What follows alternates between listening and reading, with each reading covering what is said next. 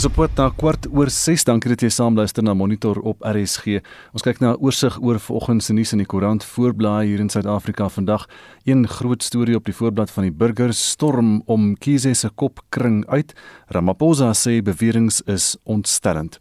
Integriteitskommissie wil minister uitnooi en is nou die hele storie oor digital vibes. Die ondersoek na Dr. Swedi Mkhize oor die beweerde onreëlmatige tender is in 'n kritieke fase het advokaat Andy Motibi, die hoof van die spesiale ondersoekeenheid gister aan die parlement se staande komitee oor openbare rekeninge gesê. Al die besonderhede oor die moeilikheid waarin Dr. Zwedin Kiese homself nou bevind, is daar in die berig.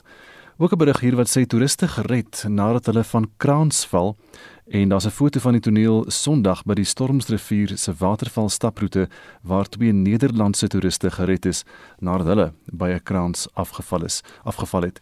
Ook 'n berig wat sê vier potiges tree af na 8 jaar se diens by die metropolisie en hier is 'n foto dan van die konstabels met hulle honde. Ehm um, die uh, die konstabels daar wat die, die honde wat nou gaan aftree, twee vierpotige lede van die Kaapstadse metropolisie het 8 jaar lank daar gewerk. Die honde se name is Flynn en Kublakani. Hulle is in 2011 gebore en het in 2013 met hulle opleiding begin by die metropolisie. Die voorblad van Beeld vanmôre in die noorde van die land, die hoofberig hier 'n Eskom baas vrygespreek, Andrei nie skuldig aan rasisme. Nou kan ek werk, sê hy aan Beeld en die berig dan daaroor die verslag wat ingedien is by die raad van Eskom wat bevind het dat 'n mens nie net die raskaart kan speel om onbevoegdheid te verdoesel nie. So het Andre de Ruyter, die uitvoerende hoof van Eskom gister by navraag gesê nadat hy na beweringe van rasisme en magsmisbruik in 'n onafhanklike ondersoek vrygespreek is van al die klagte wat daar teen hom gelê is. Dit was advokaat um, Ismail Semenya wat hierdie ondersoek gedoen het namens die Eskom direksie. Hier is ook 'n berig wat sê um, watertoevoer in meeste dele van Johannesburg herstel en uh, hier is dan 'n ontstoke inwoner wat aangehaal word wat sê R5000 'n dag word verloor by elkeen van sy winkels wanneer die watertoevoer af is. Dit is die winkels in Melville en Blackheath en dit is dan die eienaar van Dirty Laundry wat so sê. Dit kan 'n probleem raak vir die kliënt ook. Ehm um, en dan Etienne word hier aangehaal. Etienne Hugo, hy is 'n bestuurder by Johannesburg Water. Hy sê die probleem is dat ons meer water het wat uit die pompstasie vloei as wat invloei en dan is daar 'n domino effek dis by die Eikenhof pompstasie waar daardie probleem ontstaan het. 'n Baie dramatiese foto hier op die voorblad van beeld en dit kom is 'n skermgreep, 'n videogreep van een van hierdie wat hulle noem 'n dashcam, die kamera op die uh, in binne in die motor, maar dit gaan oor 'n olifant wat hier by Klaserie by die Kruger Wildtuin afstorm op hierdie man se kar en die voorkant so begin opvrommel. Jy sien net die olifant se ore en sy tande daar. Die voorblad van Volksblad vandag Boervrou keel afgesny, skuldige boet na hy 15 jaar losloop. Werker vermoor nog 2 ernstig beseer. En dis die storie uit die Vrystaat, 'n plaasmoordenaar wat 15 jaar lank die reg ontduik het, die reg ontduik het en toe in die tyd 'n goeie pos by 'n myn bekleed, is gister lewenslank tronk toe gestuur nadat hy en vier makkers in 2004 'n boervrou en 'n 'n plaaswerker van Bethlehem wreed vermoor en nog twee werknemers op die plaas erg beseer het. Dit is Volksblad wat ook berig oor man se aorta na val uit heli geopereer. Johnny Moore is daar op die foto. Hy is 'n plaasvoorman van die Vrystaat. Hy het Dinsdag uit 'n helikopter geval en hy's gister na die Rosepark Hospitaal in Bloemfontein toe geneem waar hy geopereer is om die skeur aan sy aorta te herstel. Business Day het berigte wat natuurlik ook fokus hier op Andre de Ruyter se kwessie Racism claims shot down in flames is die opskrif daar by Business Day en beleggers is glad nie beïndruk met die mededingingskommissie uh met die verkoop van die Burger King restaurantgroep en al daardie vereistes vir swart ekonomiese bemagtiging nie. Internasionale nuus op bbc.com en daar is nou verwikkelinge uit Israel. Die oppositiepartye het ingestem om 'n nuwe eenheidsregering te vorm en dit is dan Naftali Bennett. Hy gaan die eerste eerste minister word en hy gaan dien uh, tot en met Augustus 2023 wanneer sy vernoot, sy vriend Yair Lapid hom gaan opvolg as eerste minister, maar op hierdie manier gaan hulle nou Benjamin Netanyahu se 12 jaar termyn as eerste minister beëindig. En dis net so vinnig 'n oorsig oor vanoggend se nuus. Statistiek SA het hierdie week bekend gemaak dat Suid-Afrika se werkloosheidssyfer nou op 32,6% staan. Ons wil vanoggend by jou weet, is jy werkloos en hoe lank is jy al werkloos en wat is die grootste hindernisse wat jy ervaar om weer 'n werk te vind? Hoe lank soek jy al werk? Jy kan ook voorstelle maak oor wat jy dink mense kan doen om werk te kry. Stuur vir ons 'n SMS na 45889. Dit kos R1.50 of gaan na facebook.com vorentoe skynstreep ZRC of WhatsApp vir ons stemnota na 076 536 6961 076 536 6961 Dis 20 minute oor 6 nou in onderrig by die Noordwes Sekondêre Skool vir Dowes in Leeudoringstad is gister vir die tweede agtereenvolgende dag ontwrig. Leerlinge sê hulle wag sedert die begin van die skooljaar om handboeke te ontvang. Die provinsiale departement van onderwys sê die kontrakteurs wat die leermateriaal moes verskaf, glo sedert 2018 nog nie betaal nie. Vincent Mofokeng berig. Vanjaar is matrikulante ingeskryf vir die eerste keer sedert die skool gestig is. Die skool het egter geen gebaretaal tolke nie, aangesien onderwysers nie opgelei is nie. Die ergste van alles is dat die 6 matriekleerlinge halfpad deur die akademiese jaar nog geen skoolhandboeke en ander onderrigmateriaal ontvang het nie. Dit is omdat die departement van onderwys nie die diensverskaffer betaal het nie. Matsi Disotlolwe is die voorsitter van die skoolbeheerliggaam. Our children have been stagnant for four years. Even to this day, they are still complaining. We have first matriculants. They are just six. There are no textbooks. What month is this? It's June. The supplier was here last week to repossess books of lower grade learners because the department did not pay him since 2018. Die woordvoerder van die provinsiale departement van onderwys, Elias Malindi, sê die departement gaan ondersoek instel. As a department, we have established a team that is going to conduct an intensive investigation on this matter because it comes back from 2019 and 2020. Malindi sê die departement sal spoedig moontlik handboeke aan die betrokke leerders voorsien. The special schools they fall under a unit that deals with inclusive education. On this matter we can just indicate that our CFO is also on board to make sure that learners get their textbooks. Die departement van onderwys sê daar sal opgetree word teen diegene wat verantwoordelik is vir die nie betaling aan die diensverskaffer. Tebogo Pakedi het hierdie verslag saamgestel.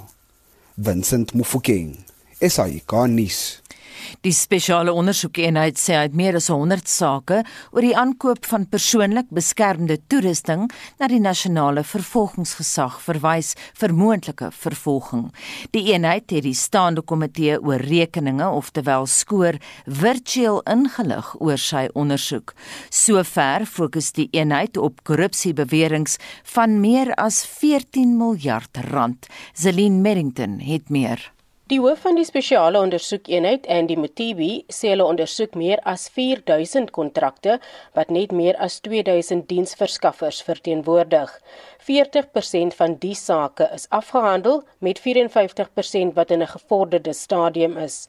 Maar intussen het hulle net oor 100 sake aan die nasionale vervolgingsgesag oorhandig vir moontlike vervolging. Adding the new ones and the old ones that have been referred before We are now talking about 88 state officials that have been referred for disciplinary action. The new matters that have been referred to the NPA total up to 44, and the previous ones were 38. So the total number of cases that have been referred for consideration by the NPA count up to 102. Sê dis kommerwekkend dat so wat hulle aanbeveel het geïmplementeer word. We are pleased chair that in some instances the disciplinary processes have started. And as, as the honorable committee can see, we continue to follow up because we are an interested party. We would like to see our recommendations being implemented. In all those matters where the disciplinary processes have not started, as I indicated that that is a worrying picture. Hy voeg by dat die eenheid hard daaraan werk om geld terug te kry. Tot dusver deur die spesiale tribunaal is meer as 600 miljoen rand teruggekry. Een so 'n voorbeeld is die bromponies vir ambulanse sage in die Oos-Kaap. The special tribunal has ruled and set aside the matter. The next step in terms of the legal process is to institute appeal. This settles the matter and we have dealt away with the risk with the legal risk of the contract that was not cancelled. It's now cancelled. It's set aside. We are mindful chair that uh, in terms of the the recoveries there was no money that was paid out. LP het die eenheid geloof vir hul vordering die voorsitter van Skoor Mkololeko Hlengwa sê die omvang van die korrupsie is verstommend. And the very gloomy picture it paints about just how daring and bold the corrupt elements may be and that on its own um, should be worrying. We have been looted, so we um, almost used a very wrong word, but I wanted to say we were screwed over twice. Dit was Mkuleko Hlengwa, die voorsitter van die staande komitee oor openbare rekeninge, Zelin Merrington, Parlement. 26 oor 6 by Monitor op RSG. Nou die omgewingsorganisasie The Green Connection het Maandag 'n amptelike klag by die Departement van Bosbou, Visserye en Omgewingsake ingedien.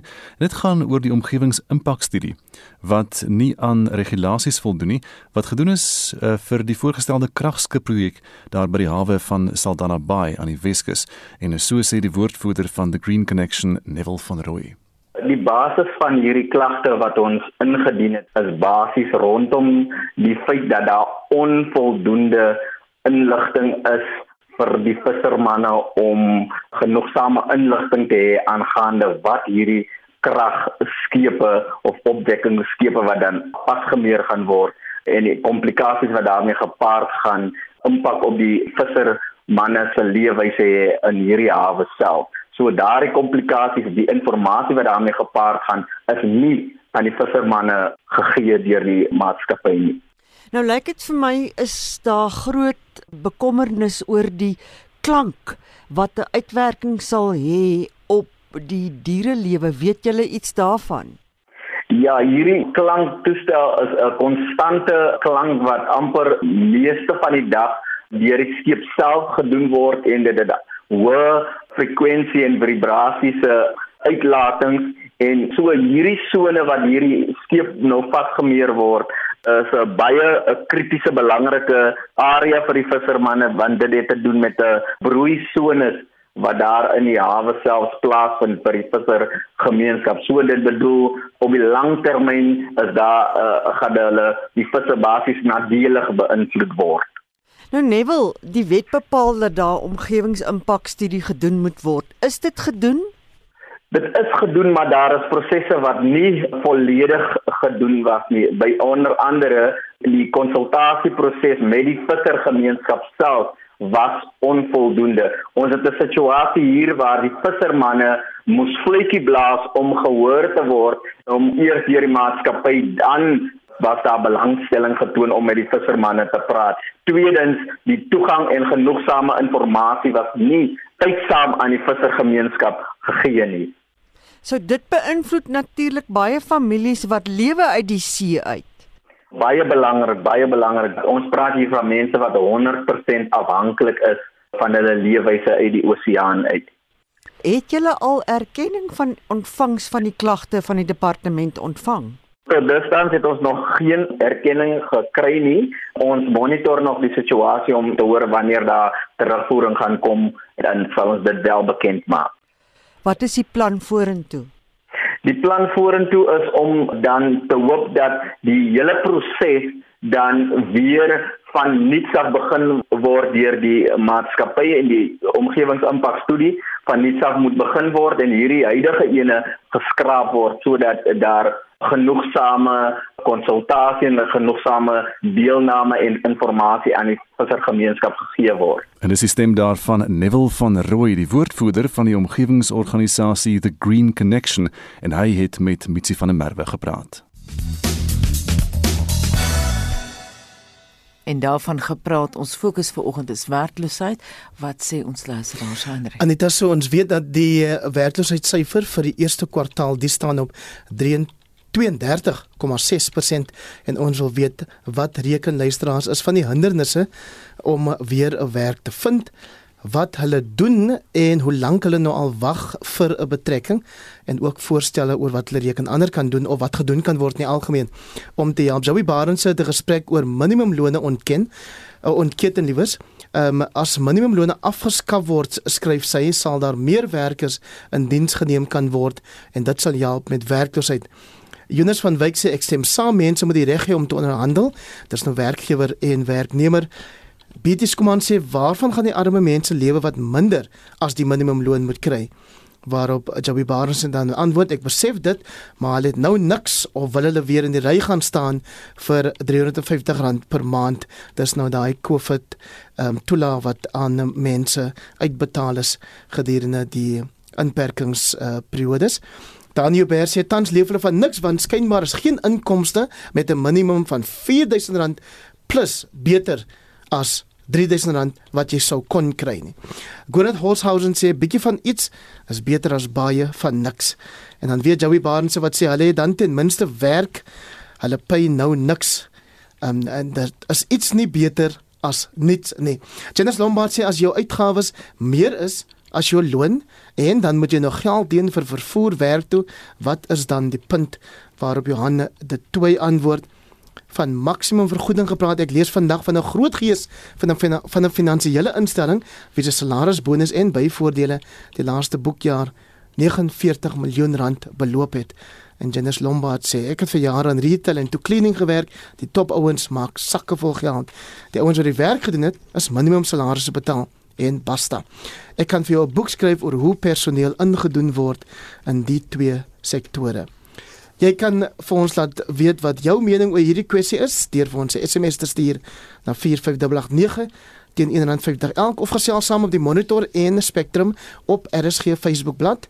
Anders kan jy vir ons 'n stemnota stuur na hierdie WhatsApp nommer 0765366961. Dis 076536 6961. En is nou so 26 minute voor 7 by Monitor ons beweeg na die sportveld. Hier is Shaun Jooste. Ons begin die verslag met 'n paar tennisuitslae. Op dag 4 van die Franse Ope in die mansafdeling het die tweede gekeerde rus Daniel Medvedev in 4 stelle teen die Amerikaner Tommy Paul en Kei Nishikori van Japan in 5 stelle teen die nommer 23 ook van Rusland Karen Khachanov gewen. In die vroue afdeling het die nommer 3 van Belarus Aryna Sabalenka en die nommer 7 van Amerika Serena Williams hul plekke in die volgende ronde geboek terwyl die nommer 10 van Switserland Belinda Bencic haar tasse moes pak. Suid-Afrika se Ryan Klassen en sy spanmaat van Japan Ben McLaughlin het na die tweede ronde in die mans dubbelspel afdeling deurgedring na 'n 6-3 en 6-2 oorwinning oor die plaaslike Lucas Poil en Matthias Borgay. Op die cricketveld het Nieu-Seeland dag 1 van die eerste toets op Lords, dit is in en teen Engeland op 246 vir 3 in hulle eerste beurt geëindig met die Suid-Afrikaans gebore Devon Conway nie uit nie op 136 lopies in sy debuuttoets. Hy is die sesde speler om 'n 100-tal op debuut aan te teken en die eerste Kiwi om dit reg te kry. Sokker. In gister se voorlaaste ronde van die DStv Premier Liga seisoen het AmaZulu 1-0 teen Marokko Swallows en Kaizer Chiefs 3-2 teen Golden Arrows geseëvier. Orlando Pirates het Baroka FC weg met 2-1 en Mamelodi Sundowns het Bloemfontein Celtic ook weg met 2-0 geklop. Cape Town City het Black Leopards met 3-1 en SuperSport United het Maritzburg United met 2-0 getroof. Die wedstryde tussen Stellenbosch FC en TS Galaxy en Chukuma FC en Chippa United kon geen doele oplewer nie. AmaZulu het die tweede plek verseker. Chiefs is nou 9de en Black Leopards het hulle Premier Liga status verloor. En laastens op die golfbaan slaan die PGA Tour se gedenktoernooi vanmiddag 20 oor 1 in Dublin in Ohio af. Die veld bevat 7 van die wêreld se top 10 spelers. Die vyf Suid-Afrikaners wat gaan deelneem is Louis Oosthuizen, Christian Besaidnout, Dylan Fratelli, Brandon Grace en Charles Schwartzel. Die wêreldnommer 3 van Spanje, Gon Ram, is die verdedigende kampioen. Die Amerikaanse vroue ope, die jaar se tweede vroue major, begin vanmiddag 4uur in Houston in Texas. Daar is drie Suid-Afrikaners in die veld van 156 spelers. Hulle is Ashley Buy, Leon Pace en Nicole Garcia. Elim Kim van Suid-Korea was die wenner in 2020 en totale prysgeld beloop 5.5 miljoen dollar. Die Jabra vroue ope begin half 8 in Frankryk. Die vyf Suid-Afrikaners wat in aksie sal wees, is Stacy Bregman, Cassandra Hall, Leon Luthwaite, Caitlin McNabb en Monique Smit. Annabel Dimok van Engeland het die toernooi in 2019 gewen. En hier in Suid-Afrika by die Sonskynreeks se Sunbet uitdaging by Sun City is die plaaslike Alex Heindel op 5 onder die voorloper na die eerste ronde. Shaun Schuster, SAK Sport. Meer versoeke word nou gerig vir 'n presidentsiële ondersoek na die afdanking van die Wes-Kaapse speurhoof, generaal-majoor Jeremy Wery. Hy is onlangs afgedank omdat hy glo die polisie in 'n verleentheid gestel het met 'n reeks uitsprake op sosiale media. Die polisiebestuur sê sy menings op die sosiale media het die nasionale polisiekommissaris Kegla Sitole ondermyn. Coben August het al die besonderhede.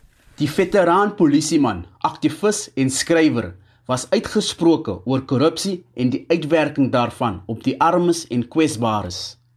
Hy het 'n groot rol gespeel om polisiebetrokkenheid te ontbloot in die ondergrondse misdaad en hoe vuurwapens wat vernietig moes word in die hande van die bendes op die Kaapse vlakte beland het.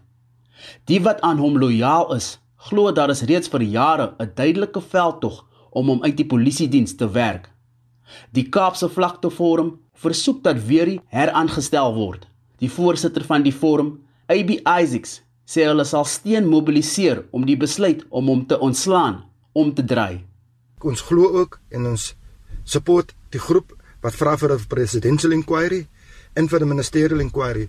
Ons verder voel ons dat die portefeulje komitee moet ek instap, because ons glo dat Major General Weerie het groot impak gemaak in die Weskaap veral met bende geweld en die geskietery wat plaasvind. Die polisie vakbond Popcrew sê hy sal 'n dispuut verklaar teen Weerie se afdanking by die veiligheids- en sekuriteitssektorale bedingingsraad. Die woordvoerder van Popcrew is Richard Mamabolo. In terms of the dispute resolution, we have referred the matter to the Safety and Security Sectoral Bargaining Council, and we will be making a dispute in terms of the procedural and substantial fairness of the matter. Die SAKP in die Weskaap sê weer is 'n afdanking het die polisie leierskap in die provinsie gedestabiliseer. Die provinsiale SAKP woordvoerder Benson Nkwenso sê sy ontslag sal 'n aaklige gevolg hê op die polisie se vermoë om misdaad in die provinsie te bestry. The decision to dismiss General Veer is unfortunate. As the SCCP want to state that it has all the hallmarks of an orchestrated pernicious witch hunt that has destabilized the police leadership in the Western Cape with a dire consequence for the effective capacity of the police to prevent, combat and investigate crime. Deskundiges oor die polisie sê 'n breër publieke bespreking en dialoog is nodig oor polisieering in die land na Weerie se afdanking. Die senior medelid by die Afrika Sentrum vir Sekuriteit en Intelligensie Praxis, Eldred de Klerk. If there's a presidential project, it should lead a broad public discourse and discussion on the state of policing in South Africa at the moment because we run the risk of narrowly looking at what happened to a member of the South African Police Service. That is symptomatic in essence because we know there are bad processes. We know that the disciplinary procedure within the South African Police Service is questionable. And we run the risk of being distracted from the important investigations that they sought to get underway. De Klerk sê weer is 'n afdanking laat 'n kritieke vakuum in die ondersoekings en speurdere dienste van die polisie afdelings wat reeds onder geweldige druk is. Sy ontslag sal in alle waarskynlikheid in die howe betwis word. Ek is Coben August in Kaapstad. Dis nou 19 minute voor 7 en ons het gister hier op monitor gepraat oor die hele kwessie oor grondonteiening sonder vergoeding. Agri SA sê die voorstel oor 50-50% eienaarskap van plaasgrond tussen die eienaar en die en die plaaswerkers is aanvanklik in 2011 deur die destydse minister van landelike ontwikkeling en grondhervorming, dit was toe Gugilin Quinty voorgestel. Nou die hoof van grond en regsaake by Agri SA, Annelies Crosby, gee meer besonderhede. Het hy heel onverwags met 'n baie radikale verblyf voorstel oor plaaswerkers vorendag gekom het. Wat by Nasrek in 'n baie groot vergadering wat ons ewe skielik gekonfronteer was met 'n skriftelike beleidsdokument in terme waarvan 50% van elke plaas in die land deur die boer afgestaan sou moes word aan sy werkers volgens 'n formulietjie van hoe lank die werkers al daar was. Dit is uit die aard van die saak 'n voorstel waarmee ons lede baie ongemaklik was. Dit was 'n voorstel wat ons gereken het ongrondwetlik was op daai stadium. Ons het regsadvies gaan inwin daardeur en ons het 'n groot gevegte met minister Mpinti betrokke geraak in oppositie tot hierdie voorstel wat van sy kant af gekom het. Hy was op die punt om dit in wetgewing te vervat en as gevolg van geweldige druk van ons af en ander organisasies het hy nou toegestem om nie voort te gaan met wetgewing nie maar hy het gesê dat hy bereid is om loodsprojekte te doen eerder op 'n vrywillige basis. En hy het vir ons die geleentheid gegee om alternatiewe tot hierdie 50-50 plan van hom op die tafel te sit wat ons gedoen het deur te gaan kyk na wat werk op grondvlak waar boere in vennootskappe met hulle plaaswerkers ingegaan het want daar is sulke voorbeelde het ons daai voorbeelde gebring en gesê kan slegs op 'n vrywillige basis geskied maar dit is wat werk in die praktyk Die voorstel was 'n sipbeleid van die grondbesitreg veiligheidsbeleid vir kommersiële plase uit die groenskrif oor die grondhervormingsproses. Die proses het in 2011 begin en 2 jaar geduur. Die voorstel opper dat die regering vir 50% die werkers se deel sou betaal, maar die geld sou oorgedra word aan 'n beleggings- en ontwikkelingsfonds wat gesamentlik deur die rolspelers bestuur sou word. Dit was daar onderhandelinge gewees tussen 'n span van Agri SA en die departement om vorendag te probeer kom met werkbare vrywillige modelle vir vennootskappe tussen boere en plaaswerkers die uiteinde van daai onderhandelinge was dat die departement basies hulle eie vereistes in daai voorstelle ingewerk het wat onder andere behels het dat die grond moet aan die staat behoort want dit kan nie aangekoop word direk vir die begunstigdes nie en dat die sogenaamde National Empowerment Forum nie dat hulle 5% aandeel moes opneem in elkeen van daai loodsprojekte. En dit was basies die hele gedagte van staatseienaarskap en hierdie aandelehouding was vir ons onaanvaarbaar geweest. Ons het toe nie verder deel gehad daaraan nie, maar uiteindelik het die meeste van daai projekte het misluk en daar is aantuigings van ernstige korrupsie wat by van daai projekte ingetree het. Wat dink julle van die ad hoc komitee wat nou uitstel vra? Dit is nou ek verstaan die vyfde uitstel wat hulle nou voorvra. Die uitstel word suiwer gevra sodat die ANC en die EFF geleentheid kan kry om te probeer nader aan mekaar beweeg. Hulle was eintlik baie ver uit mekaar uitgewees in terme van die voorstelle. Die EFF se voorstelle was baie meer radikaal geweest nog as wat die ANC al die pad aangedui het. Dit lyk my hierdie uitstel is daarop gemik vir die twee partye om te kyk of hulle tot 'n vergelyk kan kom en as hulle dit kan regkry om tot 'n vergelyk te kom oor hierdie voogdyskap van grond is dit 'n kwade dag vir hierdie land. Dit is baie slegte nuus vir ons sektor en vir die land en sy ekonomie as geheel as dit die rigting is waarin ons gaan gaan. Wat is julle alternatief? Ons sal maar moet hof toe gaan. Ek dink die prosedures is nie nagevolg nie. Die komitee ignoreer die advies van hulle eie parlementêre regsadviseurs oor hoe hierdie prosesse gehanteer moet word en ek dink dit bied waarskynlik gronde om te litigeer rondom dit.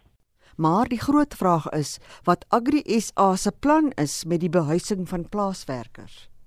Tydens die 2014 Agri SA kongres waar ons die holistiese plan aangeneem het, het ons ook 'n spesifieke komponent oor verblyfsekerheid van plaaswerkers ingesluit waar ons gesê het dat dit vereis die betrokkenheid en insette van 'n wye reeks instansies want dit is 'n multidissiplinêre probleem en dat enige maatreëls wat ingestel word moet nie die produksie of die mededingendheid van boerderye benadeel nie maar dit moet bydra tot stabiliteit, welvaart en welsyn van die plaaswerkergemeenskap. Ons het 'n voorkeur nog altyd ten opsigte van die sogenaamde af van die plaas opsie waar eiendomsreg bekom kan word en dienste verskaf kan word maar nie noodwendig op die plaas nie. Dit is vir die meeste boere die mees aanvaarbare opsie om plaaswerkers se permanente huisvesting af van die plaas af te hê eerder as op die plaas. en ons het ook op daardie stadium gesê dat ons dink die onderskeie verantwoordelikhede van die werkgewer en werknemer moet in 'n tipe van 'n sosiale ooreenkoms vervat word en ons het ook deelgeneem aan die operasie Pakisa onderhandelinge wat daarop gevolg het waar ons 'n ooreenkoms bereik het tussen al die rolspelers oor agri dorpies dorpies waar al die dienste en goederes voorsien moet word. Daai voorstel is uiteindelik aanvaar ook deur die Job Summit maar dit is nog nooit geïmplementeer nie as gevolg van die feit dat die staatsdepartemente wat sekere verantwoordelikhede ook in terme daarvan moes nakom nog nie na die partytjie toe gekom het nie. Annelies Crosby is die hoof vir regsaake by Agri SA. Mitsi van der Merwe SAK nuus. En Annelies Crosby het daar met ons verslaggewer Mitsi van der Merwe gepraat.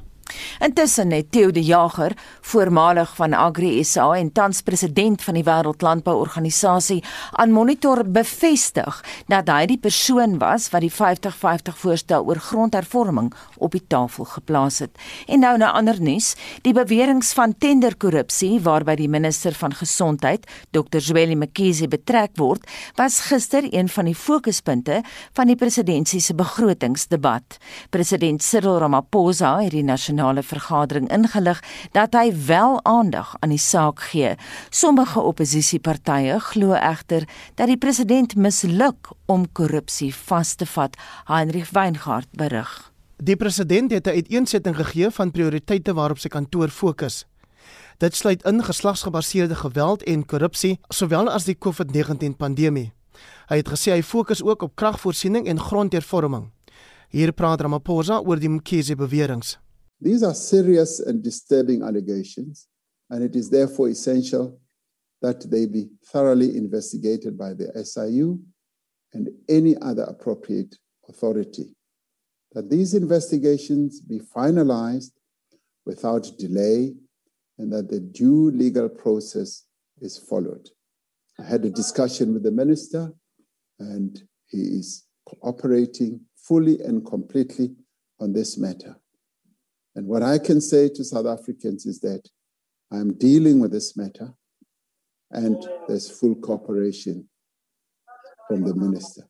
So let us allow this process to unfold and thereafter we will know what needs to be done. Sommige oppositiepartye het Ramaphosa gekritiseer oor hulle meen hy het nie sy beloftes nagekom om die ekonomie te laat groei, werkskeping te bevorder en om geweldsmisdaad met die helfte te laat daal nie. Die DALP Dean McPherson het Ramaphosa oor Mkhize gepak. And you Mr President have actually failed in getting vaccines into people's arms. You've remained silent on the biggest test of your leadership through this time and that is the alleged corruption involving health minister Mr. President, I have one simple question which you simply cannot get away from in this debate.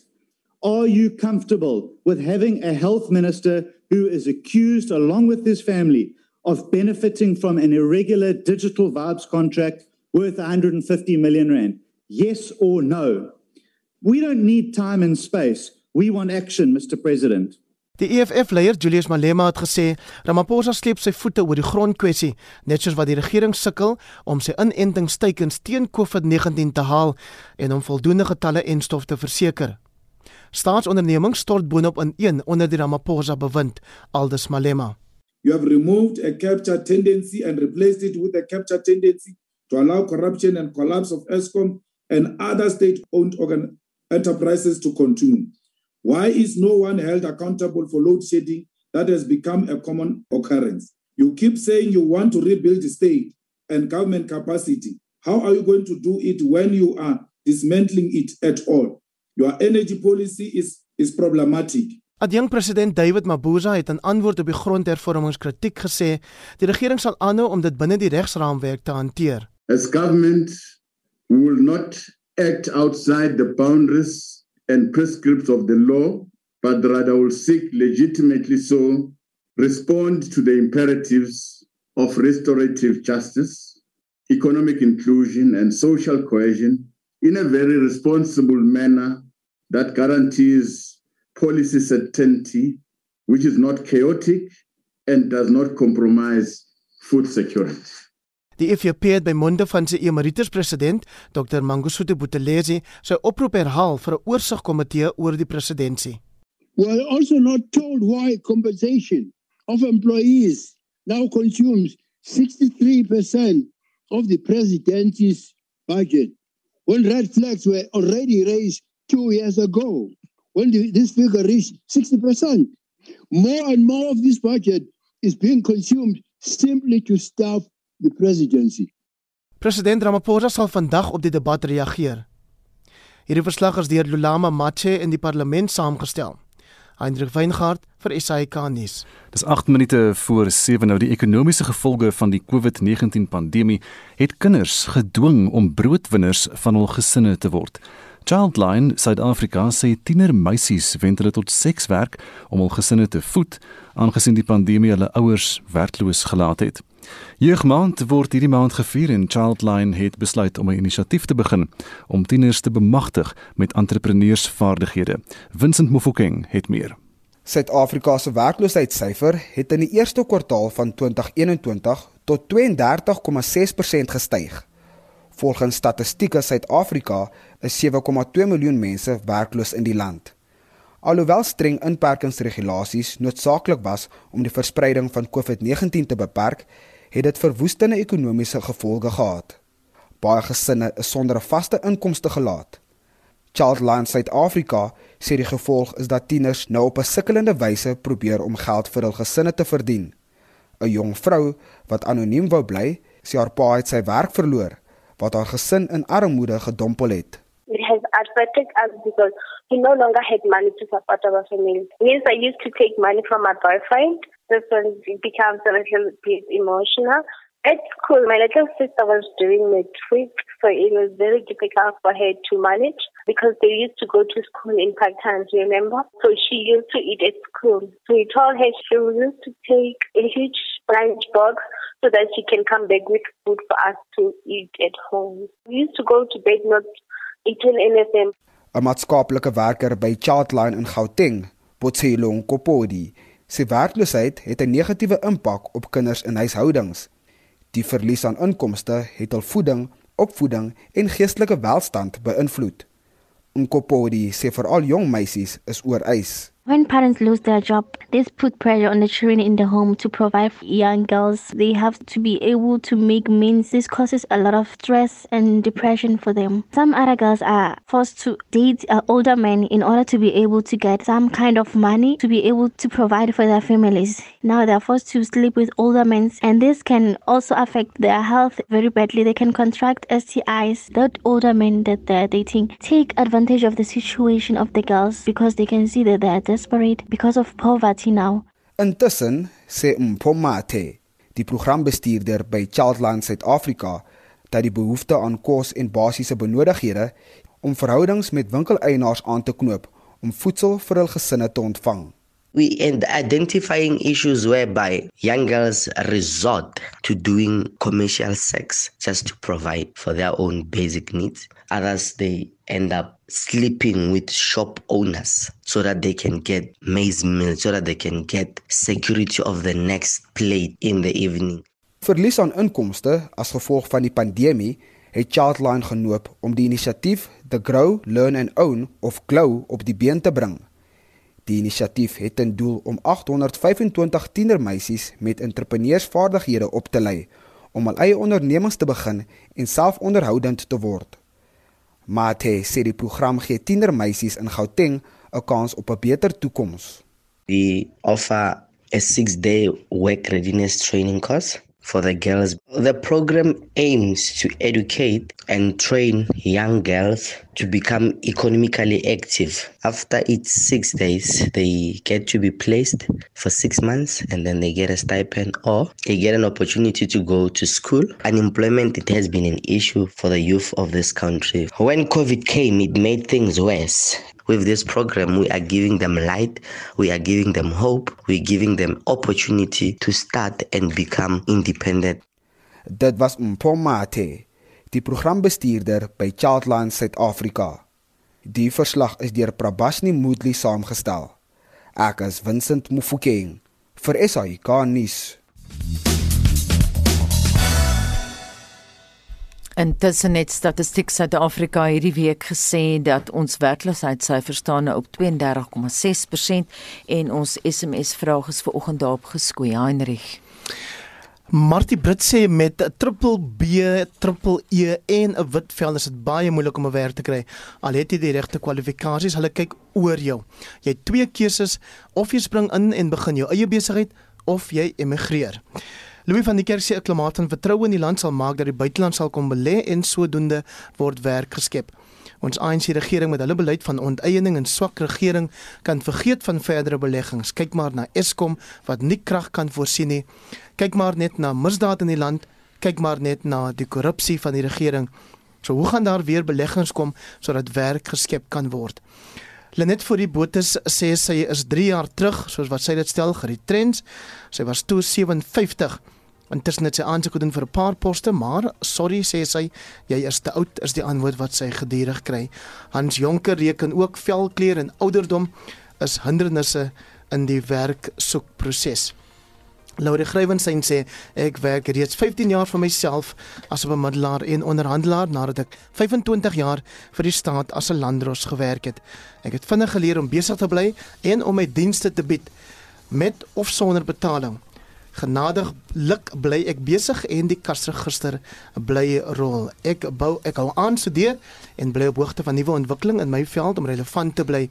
Mense met my jare in die arbeidsmark het baie om om aan die nuwe aan inkommelinge te bied. Daarom leer ek nuwe toetreders tot die mark met kursusse wat ek ontwikkel en geakkrediteer het. 45889, dis waartoe jy vir ons SMS kan stuur met jou terugvoer teen R1.50 elk. Bly ingeskakel want na 7 praat ons met Lindy Wilson van die DA oor die probleme wat kankerleiers landwyd ervaar en dit bring ons by 7 uur.